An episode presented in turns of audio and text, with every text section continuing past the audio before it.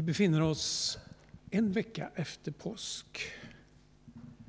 Jesus har uppstått och historien har förändrats.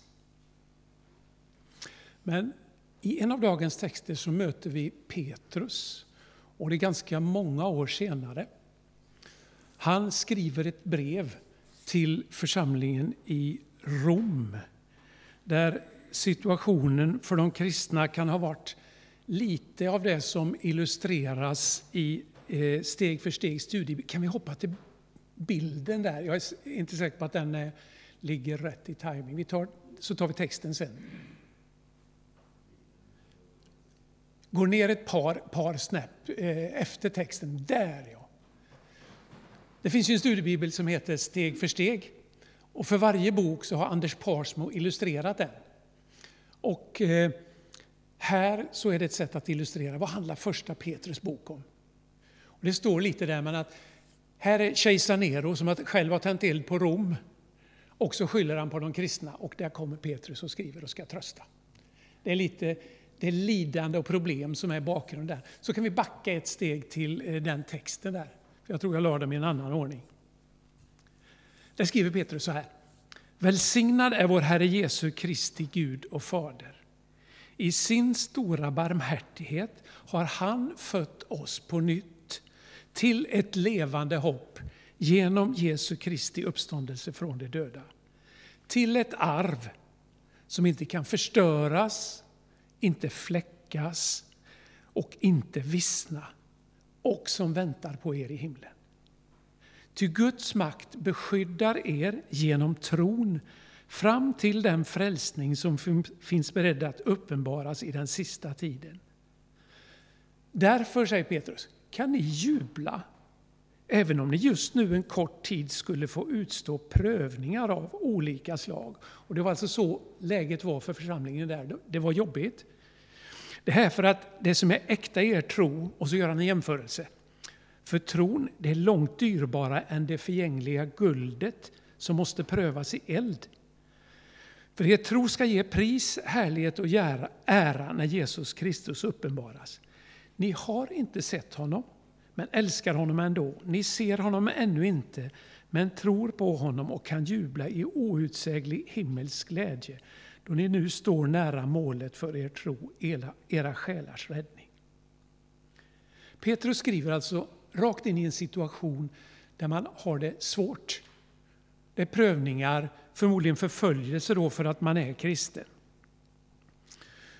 Och han hänvisar, Petrus är ju ett av påskens vittnen som är temat för den här söndagen. Han hänvisar tillbaks det han själv har varit med om. Nämligen att Jesus Kristus har uppstått. Det är grunden. Petrus hade fått vara med om en berg och dalbaneresa på något sätt. De hade gått med Jesus i flera år, sett honom göra under, samla stora folkmassor. De var populära, helt enkelt Jesus och hans lilla gäng omkring honom. Men så kommer påsken och helt plötsligt så är Jesus avrättad. Och då är det förmodligen ganska avgrundsdjupt för lärjungarna där. Deras drömmar kraschade. Men så efter några dagar så förändras allting för Jesus har uppstått från de döda och tillvaron förändras. Och när Petrus nu skriver till den här församlingen i Rom så är det den här händelsen som ligger och klingar i bakgrunden. Ert hopp är verkligt just på grund av att Jesus har uppstått. Han säger, vi är födda på nytt. Bra eh, till ett levande hopp. Och var grundas det hoppet? Det är i Guds barmhärtighet. Och nyckelhändelsen är Jesus har uppstått från de döda. Det är påskens budskap. Och han skriver det till en församling som då lider. Att det här är grunden för hoppet. Han förmanar och tröstar samtidigt. Men det märkliga är då att han säger ändå, vi kan ta nästa bild där också, att ni kan jubla mitt i det här. De förföljs Men Petrus säger, ni kan jubla, även om ni en kort tid skulle få utstå prövningar av olika slag. Det är för att det som är äkta i tron ska prövas. Och så gör han då bilden, jämförelse med guldet. Vill man ha guld rent så får man hetta upp det riktigt mycket så det som är slagg rinner bort och så man kan ta bort det. Så blir det rent guld. Och då säger han att era prövningar, det är lite samma sak. Ni ska prövas. Det som är, är äkta i er tro. Det ska ge pris och härlighet och ära, säger han, när Jesus uppenbaras. Han pekar på en framtid när Jesus kommer tillbaks. Det är hoppet. Det blir konkret i och med att Jesus uppstod, men det finns en framtid för det också. Tiden ska fullbordas. Allt kommer att bli bra. Håll ut. I veckan så hörde jag någon som citerade från en film som heter The Best Exotic Marigold Hotel. Jag vet inte om ni har sett den, utspelas i Indien, en väldigt rolig film. Eh, och de som har sett den, ni kan se killen framför er här, men han sa så här. Allt kommer att bli bra till slut. Så om det inte är bra nu, ja, då är det inte slut än. Och helst ska man ha den indiske killen som, med allt hans där, men allt kommer att bli bra till slut. Och är det inte bra nu, ja, då är det inte slut än. Och det är faktiskt lite av detta som Petrus säger här när han skriver till dem. Allt kommer att bli bra. Ni har ett hopp. Det finns ett mål för livet, men det kan vara en väg dit. Eh, men grunden för hoppet är ändå att Jesus har uppstått. Men om vi då hoppar tillbaks från Petrus, oss och till den första påsken, till den scenen vi såg här. Så möter vi Petrus och lärjungarna. Och hur var deras situation egentligen? Det står så här om dem. De satt bakom reglade dörrar av rädsla för judarna. Lärjungarna var rädda. Petrus och Johannes de hade varit vid graven, de hade tittat in i den, de såg att Jesus var borta. Men de visste inte, vad har hänt? Vad kommer att hända? De har inte sett resten av filmen, eller jag säga, som vi har gjort. De var där, Jesus är borta. Okej, vad, vad kommer att hända nu? Hur kommer judarna reagera när Jesus är borta och vi är hans lärjungar? De låste in sig. De var rädda. Och så plötsligt så står Jesus mitt ibland dem utan att ha gått genom någon dörr. Han bara finns där. Och det blir givetvis stor uppståndelse bland lärjungarna när han kommer där, som vi såg. Men Jesus hälsar dem och hälsar dem med ett ord. Frid. Gamla pingsthälsningen. Frid. Och bakom ordet frid så ligger det hebreiska ordet shalom. Som någon har översatt med alltings rätta tillstånd. Shalom, när allting står rätt till. Och det är vad Jesus talar till dem. Han kommer med frid som ska lugna deras oro, deras rädsla. Och för lärjungarna så på något sätt öppnas en dörr till ett nytt perspektiv. De vet fortfarande inte riktigt vad är det som kommer att hända. Det kanske är lite som det är för oss här ute nu när vi känner våren kommer, det är andra vindar, vi börjar se blommor i rabatterna och så. Någonting kommer att hända. Men vi är inte där än. Och jag tror det var lite så för lärjungarna i den här situationen. Oj, Jesus är här, vad kommer att hända nu? Och så har vi då Thomas, min namne, som missade det här tillfället. Han var inte med. Och vad hände dessutom? Det står ju att Jesus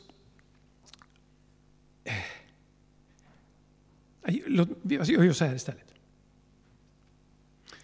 Han, eh, Thomas han lät ju inte sig övertygas. Han, eh, han sa att nej, Nej, jag, jag har inte varit där, jag tror inte på det här, jag måste få mitt bevis på mitt sätt. Han var lite envis där. Han ifrågasatte vad de tänkte, de andra. Men så hoppade vi fram en vecka. Och då helt plötsligt så kommer Jesus på samma sätt utan att passera genom några dörrar. De hade fortfarande låst omkring sig. Och Jesus står där mitt ibland dem. Och nu är det Thomas som får uppmärksamhet. För Jesus vet hur han har reagerat och han vet vad Thomas behöver och vi såg här hur han vänder sig till honom. Och Thomas reaktion, hur blev den? Ja, han blev förmodligen överväldigad, tänker jag mig. Och han blir faktiskt den första i Bibeln som bekänner att Jesus är Gud. När han säger min Herre och min Gud. Han ger Jesus namnet Gud. Han har fått svar och nu kan han tro helhjärtat. Och han bekänner sin tro utifrån att ha sett Jesus. Men vad säger Jesus till honom? Du tror därför att du inte har sett mig. Saliga är de som inte ser, men ändå tror. Och jag tror det är de här orden som ekar i Petrus brev när han skriver till församlingen i Rom. Han uppmuntrar dem just utifrån det som han har varit med om och som han kanske hört Jesus säga till Petrus. Så här skriver Petrus. Ni har inte sett honom, men älskar honom ändå. Ni ser honom ännu inte, men tror på honom och kan jubla i outsäglig himmelsk glädje då ni nu står nära målet för er tro, era själars räddning. Trots att ni inte ser så håller ni fast. Precis som Jesus sa till Thomas. Okej, ska vi försöka landa hos oss nu utifrån det här. Påskens vittnen var det. Och vi är ju kallade att vara påskens vittne också.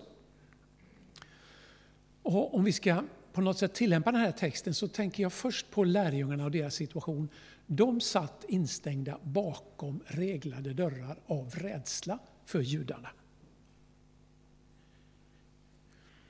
Och Johannes han säger till och med så här när de var vid graven så här att ännu hade de nämligen inte förstått skriftens ord att han måste uppstå från de döda. Och därför så sitter de alltså inlåsta av rädsla. Och hur ser det ut för dig och mig när det gäller rädsla? Jag tror att vi alla har lite rädsla av olika orsaker, i olika sammanhang och på olika sätt. Så kanske vi låser om oss i vissa situationer. Och de påverkar vårt liv på olika sätt och i olika grad. Och hur ska vi handskas med den här rädslan?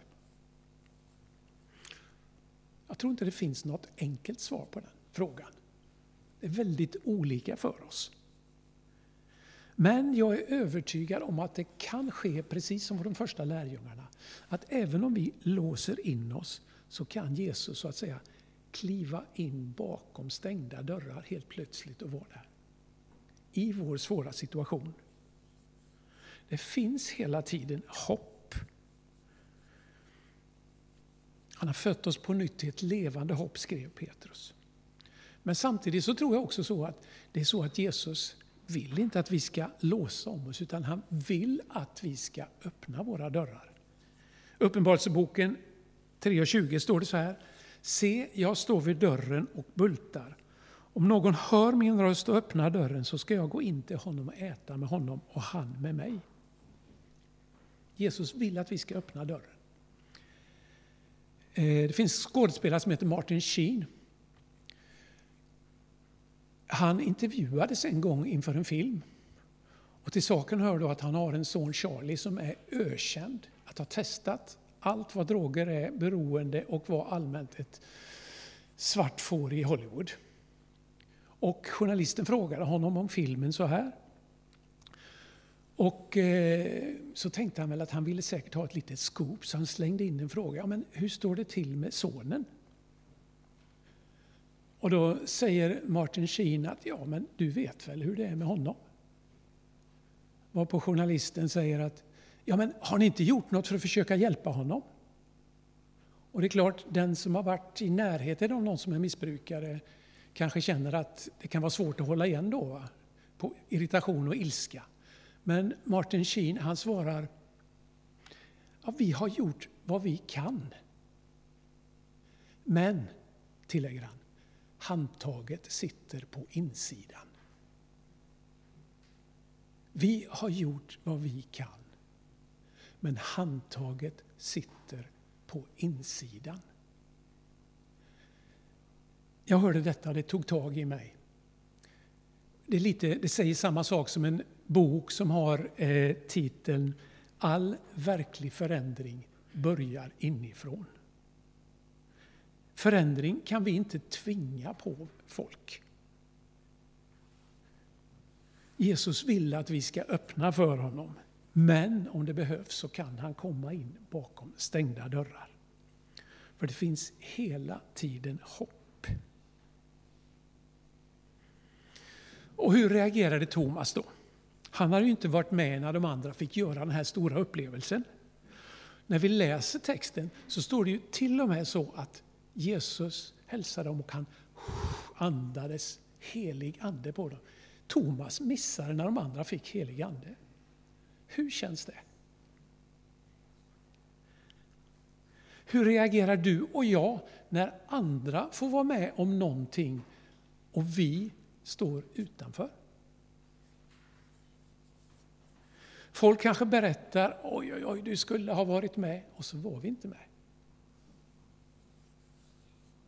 Men jag tycker att berättelsen om Thomas illustrerar att det är fullt möjligt att behålla sin integritet ändå och be Jesus visa sig för mig på ett sätt som jag kan ta till mig. Jag misstänker att det är fler än jag som har varit i ett sammanhang där man känner att oj, här har alla andra på något sätt varit med om någonting och uttrycker sin tro på ett sätt som jag inte riktigt känner mig hemma med. Och så kan det vara. Men Jesus möter inte på enbart ett sätt. Han kan möta på det personliga sätt vi behöver. Och det finns många olika kristna traditioner, många olika sätt att uttrycka sin tro. Men det som fascinerar mig här är att Thomas, efter att han gjort sin upplevelse, så startar han ju inte ett eget samfund. Utan han, han går ju tillbaks till de andra och är med de andra. Så jag tror att en lärdom av det här kanske också är att hålla sig till lärjungarna även om man inte har gjort alla upplevelser som alla andra har gjort. Och jag skulle vilja avsluta där jag började med det Petrus skrev. Som jag sa, han skrev till folk som var i en svår situation, som var utsatta för lidande som vi inte vet exakt vad det innebär. Du eller jag kanske befinner sig i en svår situation. Livet kan ju göra oss illa på väldigt många olika sätt. Det behöver inte vara förföljelse. Det kanske kan vara kris i tron. Det kan vara sjukdom. Det kan vara relationer som inte funkar eller kanske avsaknaden av en relation som man skulle vilja ha. Vi kan känna oss som ett ljus som håller på att slockna kanske. Och det är på något sätt in i en sån situation som Petrus skriver. Och då skriver han så, som så, va? välsignad är vår Herre Jesu Kristi Gud och Fader. I sin stora barmhärtighet har han fött oss på nytt. Någonting har hänt så vi har blivit födda på nytt. Och vad har vi blivit födda till? Jo, till ett hopp ett levande hopp. Och det är genom Jesu Kristi uppståndelse från de döda. Här öppnas det nya perspektivet. Men också till ett arv. Det handlar om framtiden. Som inte kan förstöras, som inte kan fläckas och som inte kan vissna och som väntar på oss. Det finns ett hopp när man tittar framåt. Och så säger han också att Guds makt beskyddar er. Hur? Genom tron. Fram till den frälsning som finns beredd att uppenbaras i den sista tiden. Petrus var alltså ett av påskens vittnen. Och här grundar han sitt hopp på att Jesus har uppstått. Det är nyckeln. Det är själva grunden för vår tro.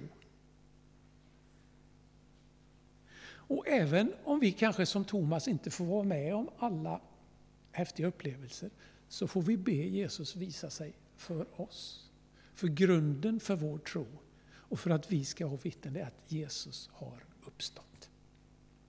Amen. Tack Jesus för att vi får kika in i nyckelhålet i Bibeln och se lite vad som hände på olika platser. Och tack att när vi ser den här filmen och anar lite om du kunde vara när du kom tillbaks så förvandlas lärjungarna, de får ett nytt perspektiv. Och som Petrus skriver, de får ett levande hopp genom att du har uppstått. Nu ber jag dig Herre Jesus Kristus att du ska hjälpa oss, öppna våra ögon, ge oss ett perspektiv i den situation där vi står. Så att vi kan få bli påskens vittnen på samma sätt som lärjungarna var. Men vi får vara det på vårt eget sätt. Tack för att du är med oss i allt.